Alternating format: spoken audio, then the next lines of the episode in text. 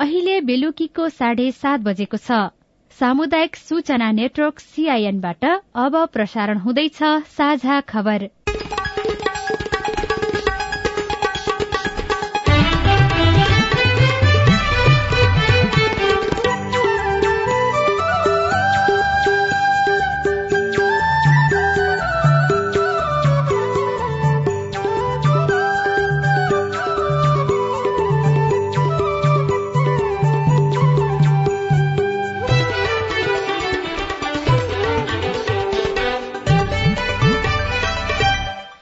सीआईएनको साझा खबरबाट सोभिता रिसालको नमस्कार। साझा खबर देशभरिका सामुदायिक radio CIN Khabar dot com र मोबाइल एप सीआईएनमा पनि सुन्न सकिन्छ।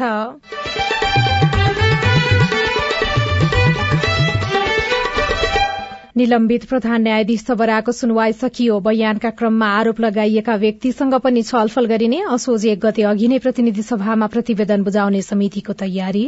र हामी चाहिँ यो आफ्नै पनि व्यस्तताले गर्दा भदौ मसान्तभित्रमा हामीले समितिको काम सम्पन्न गर्छौं। ढिलो भयो भने एक गते पुग्न सक्छ। राष्ट्रपति भण्डारीद्वारा पाँचवटा विधेयक प्रमाणीकरण तर नागरिकता विधेयकमा भने मौन प्रतिनिधि सभाको बैठक भोलि बस्दै यातायात र व्यापार आबद्धता अभिवृद्धि गर्न विश्व बैंकबाट पैंतिस अर्ब ऋण लिने सरकारको निर्णय। दुई सय पचहत्तर मिलियन अमेरिकी डलर करिब रु पैंतिस अर्ब सहुलियतपूर्ण ऋण सहायता स्वीकार गर्ने। समानुपातिक तर्फको तीस लाख मतपत्र छापियो। नेपाल भ्रमणमा रहनुभएका चिनिया सभामुख याङसु उच्च स्तरीय भेटघाटमा व्यस्त। कानून र कर्मचारी अभावले जिल्ला समन्वय समितिको काम प्रभावहीन। संघ प्रदेशका पनि योजनाहरू हुन्छन्। त्यसो गर्दा दुई तिन हजारवटै योजनाहरू हुन्छन्। त्यो कहाँसम्म हामीले अनुगमन गर्ने त्यो साथै पनि लाग्दैन यहाँ मेन पावरले पनि भ्याउँदैन। र नेपालको टी ट्वेन्टी वरियता यथावत। महिला साफ च्याम्पियनशीप फुटबलमा समूह विजेता बन्दै बंगलादेश सेमी फाइनलमा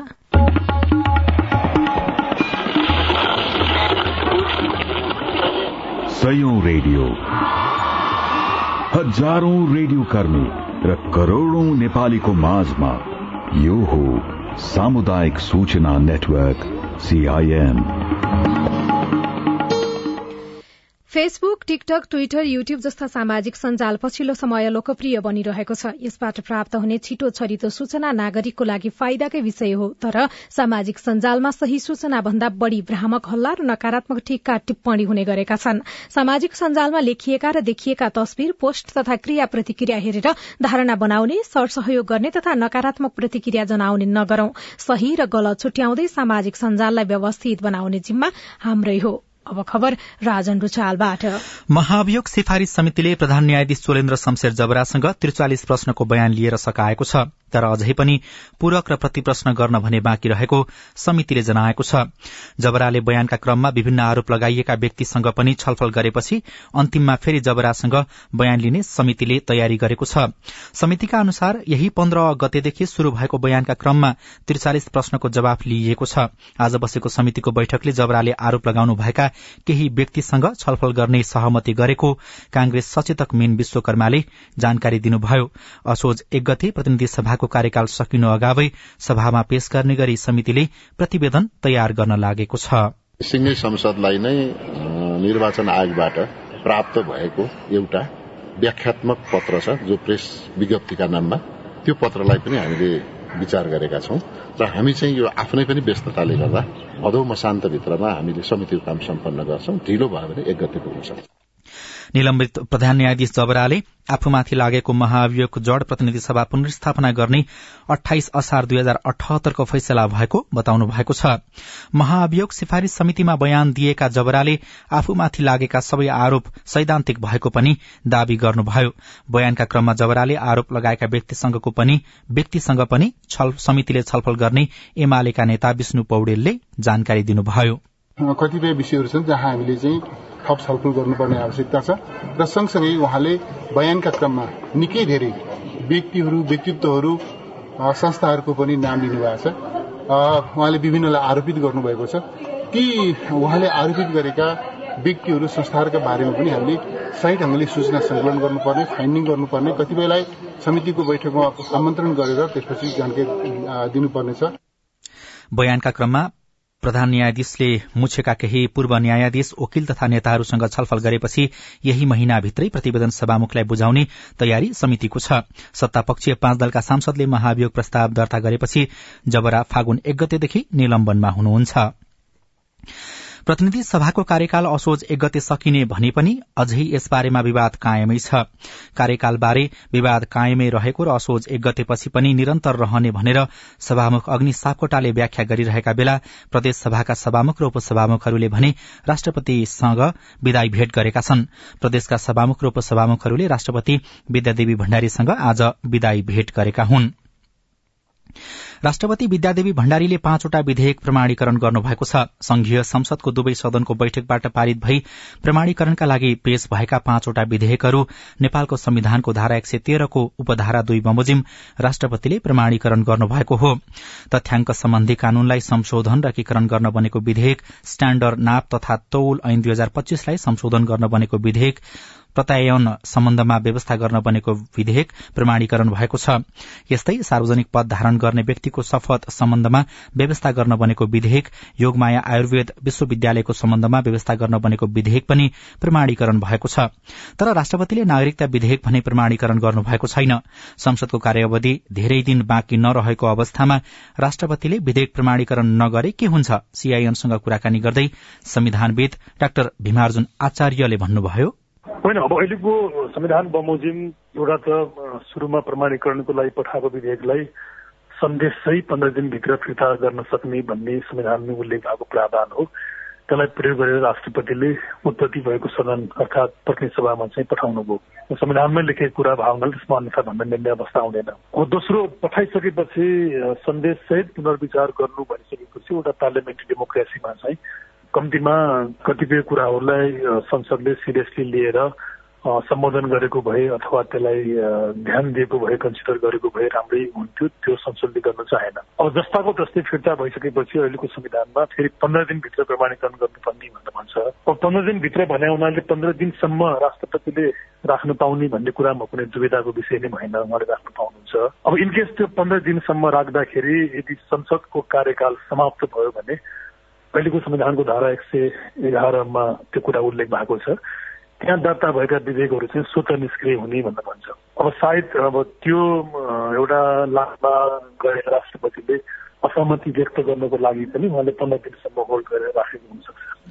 प्रतिनिधि सभाको बैठक भोलि बस्दैछ। भोलि बिहान एघार बजे बस्ने बैठकमा सभामुख अग्निप्रसाद सापकोटाले राष्ट्रपतिको कार्यालयबाट प्राप्त विधेयक प्रमाणीकरण सम्बन्धी पत्रको बेहोरा पढेर सुनाउनुहुनेछ भने गृहमन्त्री बालकृष्ण खाँडले कारागार विधेयक दुई हजार अठहत्तरमाथि राष्ट्रिय सभाबाट भएको संशोधनमाथि विचार गरियोस् भनी प्रस्ताव प्रस्तुत गर्नुहुने कार्यसूची रहेको छ। राष्ट्रिय सभाको बैठक पनि भोलि नै बस्दैछ। सरकारले विश्व बैंकबाट यातायात तथा व्यापार आबद्धता अभिवृद्धि कार्यक्रमका लागि प्राप्त हुने दुई सय पचहत्तर मिलियन अमेरिकी डलर अर्थात झण्डै पैंतिस अर्ब रूपियाँ सहुलियतपूर्ण ऋण लिने निर्णय गरेको छ। हिजो बसेको मन्त्री परिषदको बैठकको निर्णयहरू सुनाउँदै सरकारका प्रवक्ता एवं संचार तथा सूचना प्रविधि मन्त्री ज्ञानेन्द्र बहादुर कार्कीले झण्डै पैंतिस अर्ब रूपियाँ सहुलियतपूर्ण ऋण लिने निर्णय गरेको जानकारी दिनुभयो। मन्त्री कार्कीका अनुसार सरकारले बिरुजु फर्स्यौट अनुगमन समितिको सचिवालयमा आर्थिक वर्ष उनासी अस्सीका लागि राजपत्रांकित स्तरको दरबन्दी स्वीकृति गर्ने संयुक्त राज्य अमेरिकाको वाशिङटन डीसीमा आयोजना हुने विश्व बैंक समूह र अन्तर्राष्ट्रिय मुद्रा कोषको संयुक्त वार्षिक बैठकमा भाग लिन अर्थमन्त्री नेतृत्वको प्रतिनिधि मण्डललाई स्वीकृति दिने निर्णय पनि गरेको छ। विश्व ब्याङ्कबाट यातायात तथा व्यापार आबद्धता अभिवृद्धि कार्यक्रमका लागि प्राप्त हुने दुई सय पचहत्तर मिलियन अमेरिकी डलर करिब रु पैंतिस अर्ब सहुलियतपूर्ण ऋण सहायता स्वीकार गर्ने महिला संरक्षण तथा उत्थान प्रणाली सुदृढीकरण परियोजनाका लागि एसियाली विकास ब्याङ्कबाट प्राप्त हुने बाह्र मिलियन अमेरिकी डलर अनुदान सहायता स्वीकार गर्न वार्ता टोली गठन गर्ने। निर्वाचन आयोगले आउँदो मंगिर चार गते हुने प्रतिनिधि सभा र प्रदेशसभा निर्वाचनका लागि समानुपातिकतर्फ तीस लाख थान मतपत्र छापिसकेको जनाएको छ। जनक शिक्षा सामग्री केन्द्र लिमिटेडबाट एक साता अघिदेखि नै समानुपातिक निर्वाचनको मतपत्र छाप्ने प्रक्रिया शुरू भएको आयोगका प्रवक्ता शालिग्राम शर्मा पौडेलले सीआईएनलाई जानकारी दिनुभयो। हाम्रो बिस गतेदेखि नैको कार्यतालिका हो। अब त्यसमा केही मेसिन एक दिन मेसिन टेस्टिङहरू लगायतको र अनि त्यो मतपत्रमा चिन्हका सम्बन्धमा पनि सम्मानित सर्वोच्च अदालतबाट फैसला हुनु बाँकी थियो। त्यो कुराहरू टुङ्गिएर हामीले करिब एक्काइस लाख नमुना मतपत्र र करिब तिस लाख चाहिँ मतपत्रको छपाई कार्य सम्पन्न भइसकेको छ। तिस लाखमा समानुपातिकै हो। अहिले छपाई सुरु भएकै समानुपातिकै हो। र अहिले प्रदेश एक र गण्डकी प्रदेशको सुरु भएको छ आयोगले यही भदौ पन्ध्र गतेदेखि आगामी असोज एक गतेसम्म उम्मेद्वारको नामको बन्द सूची तयार गर्न राजनैतिक दललाई समय तोकेको छ। दलले असोज दुई र तीन गते आयोगमा बन्द सूचीमा रहेका उम्मेद्वारको नाम पेश गर्नुपर्नेछ। नेपाल भ्रमणमा रहनुभएका चिनिया सभामुख ली चाङसु उच्च स्तरीय भेटवार्तामा व्यस्त रहनु भएको छ। प्रधानमन्त्री शेरबहादुर देउवा र चिनिया सभामुख चान्सु बीच शिष्टाचार भेटवार्ता भएको छ। प्रधानमन्त्री तथा मन्त्री परिषद कार्यालयमा भएको शिष्टाचार भेटवार्तामा दुई देशबीचका विविध विषयमा छलफल भएको बताइएको छ। लीले राष्ट्रिय सभाका अध्यक्ष गणेश प्रसाद तिमल सिन्हा नेकपा एमालेका अध्यक्ष केपी शर्मा ओली नेकपा माओवादी केन्द्रका अध्यक्ष पुष्पकमल दाहाल प्रचण्डसँग पनि भेटवार्ता गरिसक्नु भएको छ। साझा खबरमा अब खेल खबर। नेपाल टी ट्वेन्टी अन्तर्राष्ट्रिय क्रिकेटको वरियतामा यथावत रहेको छ। अन्तर्राष्ट्रिय क्रिकेट परिषद आईसीसीले आज अद्यावधि गरेको नयाँ वरियता अनुसार नेपालको टी ट्वेन्टी वरियता यथावत अर्थात सोह्रौं स्थानमा नै कायम रहेको छ। नवौं राष्ट्रिय खेलकुद प्रतियोगिता अन्तर्गत पुरूष क्रिकेट प्रतियोगितामा आज कर्णाली प्रदेश र नेपाल आर्मी विजयी भएका छन्। सशस्त्र प्रहरीको एफीएफ र सुदूरपश्चिम प्रदेश तथा गण्डकी प्रदेश र नेपाल पुलिस बीचको खेल भने रद्द भएको छ। आज किर्तिपुर स्थित त्रिवी क्रिकेट मैदानमा भएको खेलमा कर्णाली प्रदेशले मधेसलाई तीन रनले हराएको छ। त्यस्तै अर्को खेलमा आर्मीले लुम्बिनी प्रदेशलाई नौ विकेटले पराजित गरेको छ र बंगलादेश महिला साफ च्याम्पियनशीप फुटबल प्रतियोगिताको समूह विजेता बन्दै सेमी फाइनलमा प्रवेश गरेको छ। त्रिपुरेश्वर स्थित दशरथ रंगशालामा केही बेर अघि सकिएको समूह चरणको अन्तिम खेलमा भारतलाई तीन शून्य गोल अन्तरले पराजित गर्दै बंगलादेश सेमी फाइनलमा प्रवेश गरेको हो। समूह बीबाट नेपाल र भूटानले यसअघि नै सेमी फाइनलमा स्थान पक्का गरिसकेका छन्।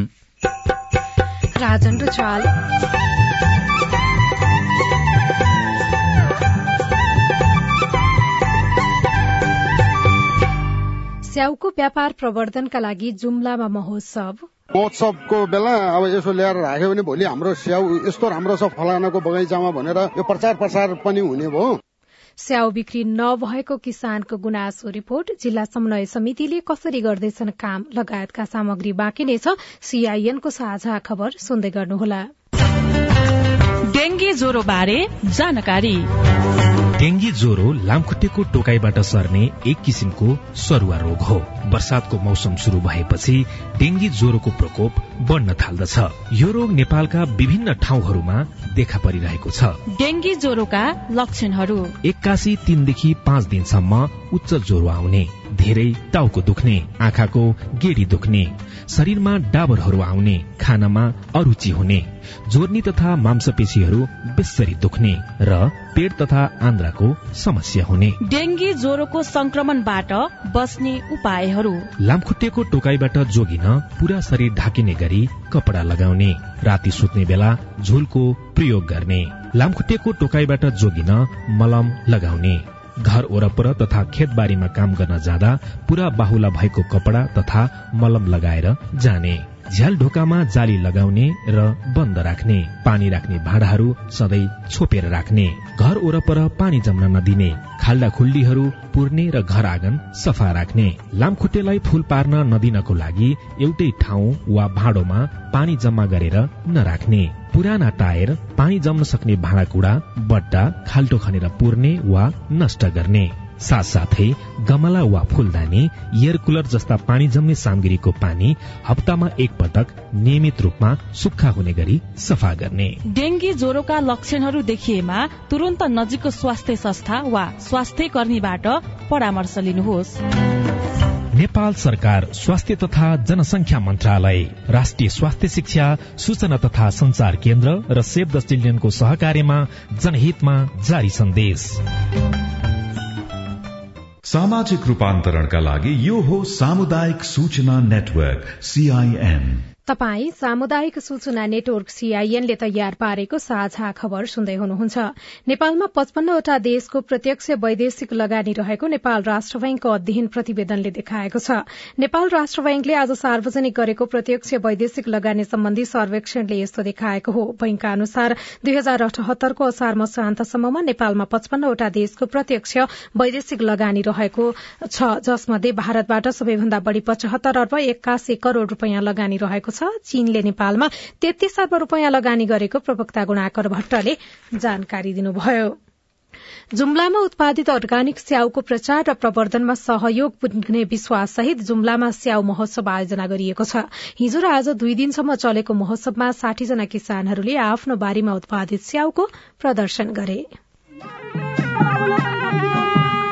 जुम्लामा प्रतिवर्ष लगभग बाह्र हजार मेट्रिक टन स्याउ फल्ने गरेको छ। जुम्लामा स्याउ खेती गर्नेहरू पनि बढ़िरहेका छन्। प्रत्येक वर्ष स्याउको उत्पादन जसरी बढ़िरहेको छ त्यसै गरी बजार भने बढ़न सकेको छैन। देशभित्रका शहरहरू र विदेशमा समेत जुम्लाको अर्ग्यानिक स्याउको माग छ तर ढुवानी गर्न सकिएको छैन। साथै जुम्ली स्याउको गुणस्तर र महत्वको बारेमा समेत जानकारी कम भएको समयमा त्यसको प्रचारको लागि कान्जिरुवा टाइम्सले महोत्सवको आयोजना गरेको हो। सम्पादक महेन्द्र कार्की। स्याउलाई व्यापक बजारीकरण गर्नलाई फार्ममा गएर भिजिट गरेर स्याउ उत्पादन भएको स्याउलाई किनेर खाएर रमाइलो गर्ने चाहिँ एउटा पर्यटनको रूपमा चाहिँ यसलाई विकास गर्न सकिन्छ भन्ने चाहिँ हेतुले चाहिँ हामीले चाहिँ स्याउ महोत्सव चाहिँ सुरु गरेका छौँ। महोत्सवमा चौध जना किसानहरूका स्टलहरू रहेका थिए। एक हजार मानिसहरूले अवलोकन गरे भने सरकारवाला निकाय तथा संघ संस्थाका प्रतिनिधि पनि आएका थिए। यसबाट जुम्लाको स्याउको प्रबोधन तथा बजारीकरणमा टेवा पुग्ने किसानहरूको विश्वास छ। महोत्सवको बेला अब यसो ल्याएर राख्यो भने भोलि हाम्रो स्याउ यस्तो राम्रो छ फलानाको बगैँचामा भनेर यो प्रचार प्रसार पनि हुने भयो। स्याउ राम्रो देख्यो भने भोलि ग्राहक त त्यहाँ फार्ममै जाने भयो त। त्यसै कारण लिएर राख्यो। महोत्सवमा स्याउका परिकारहरूको समेत प्रदर्शन गरिएको छ। कृषि विकास कार्यालय जुम्लाका अनुसार जुम्लामा चार हजार दुई सय पचास हेक्टरमा स्याउ खेती गरिएको छ। खेती र उत्पादन बढे पनि बजार नबढेको किसानहरूको गुनासो छ। अहिले अब यो पाकिया स्याउ छ। गाउँमा कोल्ड स्टोर छैन। सकभर गाउँ गाउँमा कोल्ड स्टोर हुनुपर्ने। कृषिले त्यो व्यवस्था गर्नुपर्ने। कृषकलाई एकदम झन सहज हुन्थ्यो। कोल्ड स्टोरमा राख्थे अनि पछि पछि पछि पछि र पुष माघसम्मलाई फाउन सहितसम्मलाई बिग्रिन सजिलो हुन्थ्यो फाइदा हुन्थ्यो किसानलाई। देश विदेश गइदिएको भए स्याउको मूल्य बढी भइदिएको भए सधैँ यस्तै मौसम भइरहेकोस् भन्ने उद्देश्य छ। जुम्लामा उत्पादित स्याउलाई थप बजारीकरण गर्नको लागि कृषि विकास कार्यालय जुम्लाले कसरी सघाउँछ? कार्यालय प्रमुख गणेश अधिकारी भन्नुहुन्छ।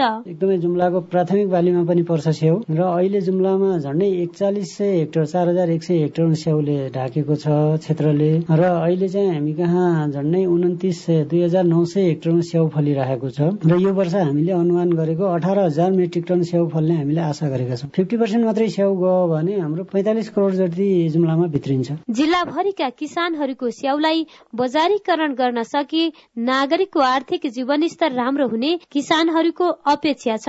सरिता प्राजुली सीआईएन रेडियो खुला आकाश जुम्ला। साझा खबरमा अब हेलो सीआईएन उषा तामाङबाट। नमस्कार म दैलिक जिल्ला दुल्लु नगरपालिका वा नम्बर दुईबाट एससी उत्तीर्ण गरिसकेपछि कुन विषय लिँदा राम्रो हुन्छ?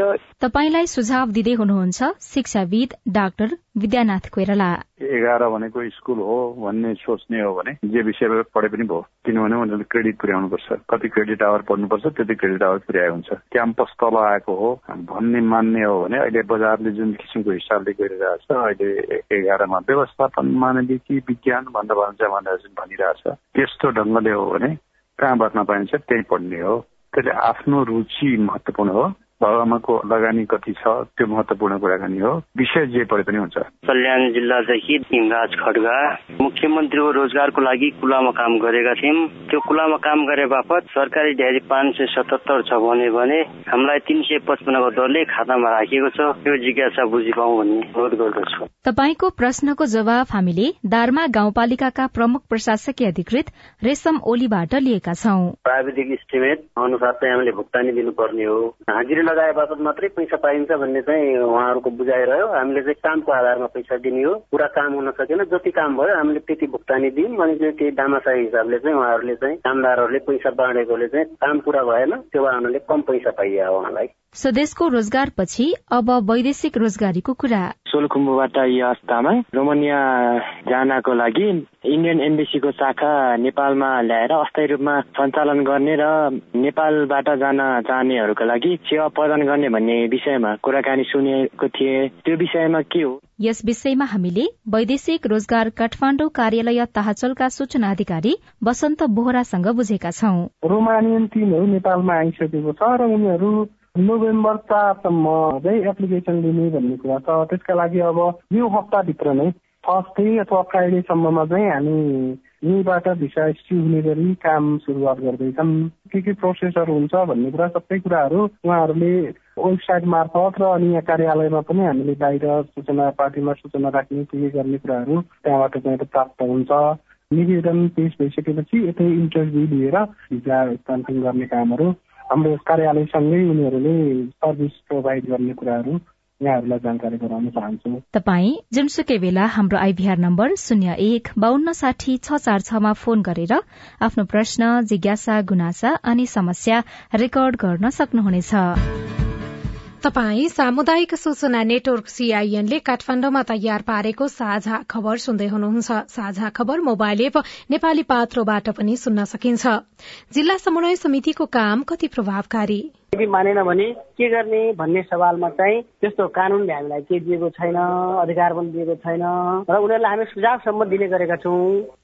कानून र कर्मचारी अभावले समस्या रिपोर्ट विमानस्थल बन्ने दिनको पर्खाईमा डडेलधुराका नागरिक लगायतका सामग्री बाँकी नै छ। सीआईएनको साझा खबर सुन्दै गर्नुहोला।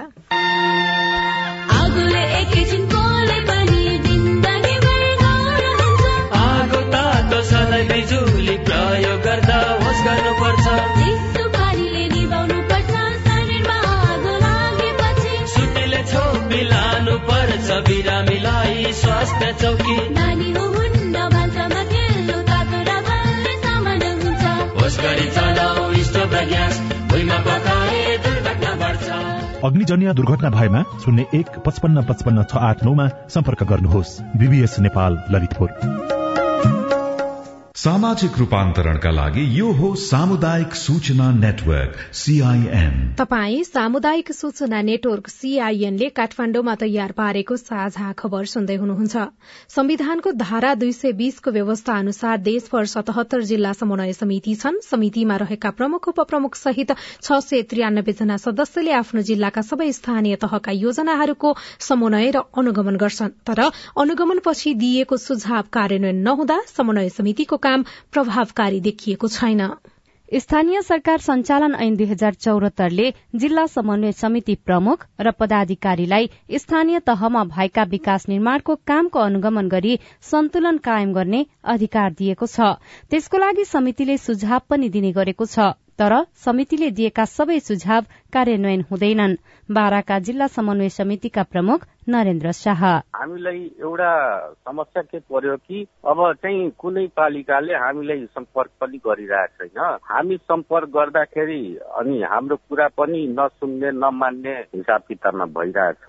गत वैशाख तीस गते स्थानीय तहको चुनाव भएपछि सतहत्तरवटै जिल्लामा जिल्ला समन्वय समिति गठन भयो। तर अघिल्लो पाँच वर्ष नेतृत्व गरेका प्रमुखहरूले नै उठाएका समस्या अझै समाधान भएको छैन।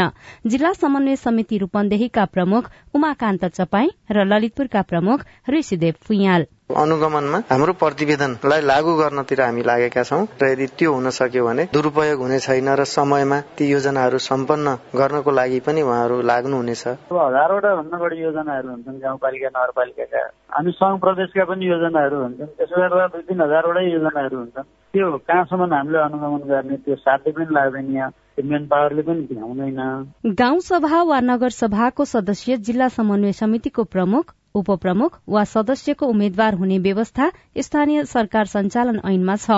नगरपालिका सरकारी कार्यालय र पालिकाहरूबीच समन्वय गर्ने संघीय तथा प्रदेश सरकारका योजनाको अनुगमन र सुपरिवेक्षण गर्ने लगायतका आठवटा अधिकार समितिलाई छ।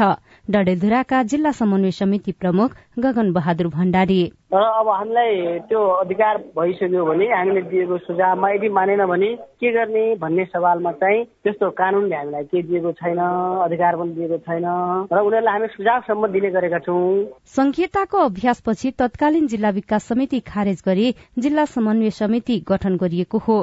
तर समितिले अघिल्लो कार्यकाल कानून कर्मचारी अभावमै गुजारियो। यसपटक पनि समस्या उस्तै छन्। समन्वय समितिलाई कानूनमै भूमिका दिनुपर्नेमा जोड़ दिनुहुन्छ।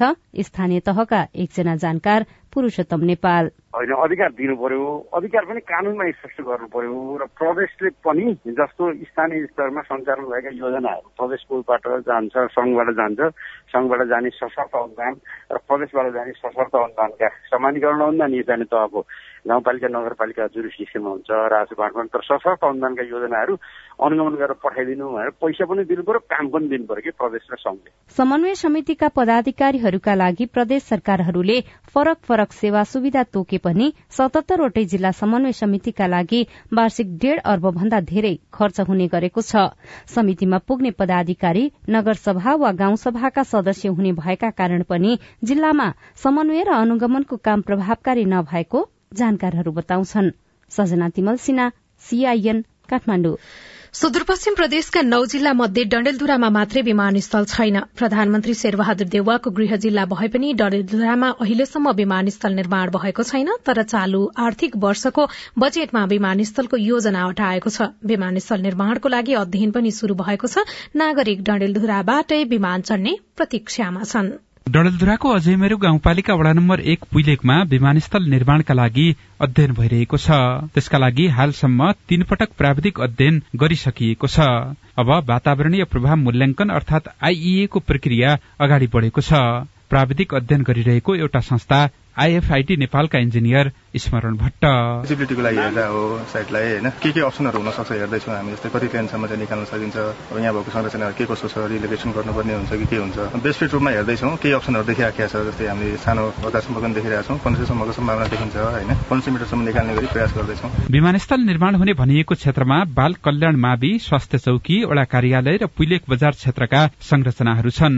एक हजार मिटर लामो धावन मार्ग मात्र बनाए विद्यालय लगायतका अन्य संरचनाहरू अधिकरण गर्न नपर्ने देखिएको छ। तर एक हजार पाँच सय मिटर लामो धावन मार्ग बनाए विद्यालय स्वास्थ्य चौकी वडा कार्यालय र पुइलेक बजारका संरचना अधिकरण गर्नुपर्ने प्राविधिक अध्ययनले देखाएको छ। काठमाडौँ सहित अन्य शहरमा पनि उडान भर्ने गरी विमानस्थल बनाएको खण्डमा एक हजार पाँच सय मिटरकै धावन मार्ग बनाउनु पर्ने आवश्यकता छ। धावन मार्ग सानो बनाउने वा ठूलो त्यसको आधारमा कति क्षेत्रफल हुने निर्धारण हुने भएपछि अहिले यसमा बहस भइरहेको छ। अमरगढ़ी नगरपालिकाका प्रमुख डिल्लीराज जोशी। बन्ने जस्तो छ। यसमा चाहिने तपाईँ के छ दुईटै किसिमको छ। एउटा हजार चाहिने मिटर लामो र अनि अर्को पन्ध्र सय मिटर लामो किसिमको दुईटा चाहिने यसको अप्सनहरू छन्। तर पहाड़ी जिल्लाको सातवटै जिल्लालाई यसलाई भ्याउने किसिमले सकेसम्म चाहिने के हो भने यसलाई चाहिँ पन्ध्र सय मिटरमा नै बनाउने भन्ने कुरामा हामी लागिरहेछौँ यसको अब स्कुलको भवन सवनका कुराहरू छन्। ती कुराले अलिकति जटिलता ल्याएको छ नत्र चाहिँ सकेसम्म हुन्छ भने यसलाई पन्ध्र सय मिटरमै लग्ने हो नेपाल नागरिक उड्डयन प्राधिकरणले एक हजार पाँच सय मिटरको धावन मार्ग बनाउन करिब चार अर्ब रुपियाँ लगानी लाग्ने अनुमान गरेको छ। एक हजार मिटर लामो मात्र धावन मार्ग बनाउँदा करिब डेढ़ अर्ब रकम खर्च आउने अनुमान प्राधिकरणको छ। प्राधिकरणले गत वर्ष नै विमानस्थल निर्माणको काम अघि बढाउन पाँच करोड़ रकम विनियोजन गरेको थियो। स्थानीय बासिन्दा विमानस्थल बनेको हेर्ने प्रतीक्षामा रहेका छन्। अझै मेरो गाउँपालिका वडा नम्बर एक पुइलेकका स्थानीय हर्क बोहरा र वडा नम्बर एकका अध्यक्ष दत्ती सिंह भण्डारी। बन्छ बन्छ भनेर गाउँलेहरू पहिलेदेखि नै उत्साहित छन्। बन्नुपर्छ भन्ने मान्यता पनि हो गाउँलेहरूको। अब एयरपोर्ट बन्ने क्रममा गाउँलेहरूको कुनै किसिमको बाधा अवरोध पनि केही छैन। कसैको विवाद छैन। तुरन्त छिटो भइदियो हुन्थ्यो भन्ने सबको चाहना छ। सुदूरपश्चिम प्रदेशका आठवटा जिल्लामा विमानस्थल छ। तर उडान नियमित छैन। धनगढ़ी विमानस्थलमा भने काठमाण्डु र पोखरा उडान हुने गरेको छ। अन्य जिल्लाका विमानस्थलबाट धनगढ़ीसम्म उडान मात्र हुँदै आएको छ। डडेलधुरामा निर्माण हुने विमानस्थलबाट काठमाण्डु उडान भएको खण्डमा सुदूरपश्चिमका पहाड़ी जिल्लाका बासिन्दालाई सहज हुनेछ। नवराज पनेरू सीआईएन रेडियो सुदूर डडेलधुरा। विमानस्थल बनाउने विषय चुनावी एजेण्डा मात्रै हो कि साँच्चै आवश्यकता भएको ठाउँमा विमानस्थल बन्छ? संस्कृति पर्यटन तथा नागरिक उड्डयन मन्त्री जीवनराम श्रेष्ठले सीआईएनसँग भन्नुभयो। कसैको रहरमा कसैको आग्रहमा यो विमानस्थल बनाउने कुराहरू यो बिल्कुल चाहिँ बन्द गर्नुपर्छ। हामीले यो एउटा आवश्यकताको आधारमा र त्यसलाई चाहिँ सस्टेन गर्न सक्ने कुराहरूलाई समेत ध्यानमा दिएर यो विमानस्थलहरूलाई चाहिँ नि व्यवस्थित गर्ने कुराहरू बढाउने कुराहरू चाहिँ नि गर्नुपर्छ त्यो अनुसार मात्र योजना बनाउनु पर्छ भनेर चाहिँ नि स्पष्ट भनेको छु। र सँगै एउटा हामी अब यो राजनीतिक परिवर्तनपछि अब मुलुक एउटा चाहिँ नि समृद्धिको एउटा चाहिँ नि चाहना सबैले राखेको छ। यो समृद्धिको चाहना राख्दाखेरि हाम्रा विकासका कुराहरूलाई हामीले अब व्यवस्थित गर्नुपर्छ। र त्यसो नगरिकन हामीले समृद्धि चाहिँ नि प्राप्त गर्न सक्दैनौँ। त्यसो भएको हुनाले अब यो चाहिँ नि हामीले चुनावको लागि मात्र एउटा मतदातालाई आकर्षित गर्ने कुराहरू गरेर विकासका चाहिँ नि जुन कामहरूलाई अगाडि बढाउने कुराहरूमा हामी सबै यसमा चाहिँ नि एकदम पुनर्विचार गर्नुपर्छ सचेत हुनुपर्छ जनता पनि यसमा सचेत हुनुपर्छ। निलम्बित प्रधान न्यायाधीश जबराको सुनवाई सकियो। बयानका क्रममा आरोप लगाइएका व्यक्तिसँग पनि छलफल गर्ने समितिले बताएको छ। असोज एक गति अघि नै प्रतिनिधि सभामा प्रतिवेदन बुझाउने पनि सांसदहरूले बताएका छन्। राष्ट्रपति भण्डारीद्वारा पाँचवटा विधेयक प्रमाणीकरण भएको छ तर नागरिकता विधेयकमा भने उहाँले मौनता व्यक्त गर्नुभएको छ। प्रतिनिधि सभाको बैठक भोलि बस्दैछ यातायात र व्यापार आबद्धता अभिवृद्धि गर्न विश्व बैंकबाट पैंतिस अर्ब ऋण लिने सरकारले निर्णय गरेको छ। र नेपालको टी ट्वेन्टी वरियता यथावत स्थानमा नै रहेको छ। आजलाई साझा खबरको समय सकियो प्राविधिक साथी सुरेन्द्र सिंहलाई धन्यवाद। भोलि भदौ उन्तिस गते बिहान छ बजेको साझा खबरमा फेरि भेटौँला। अहिलेलाई सोभिता रिसाल पनि विदा हुन्छु। नमस्कार शुभरात्री।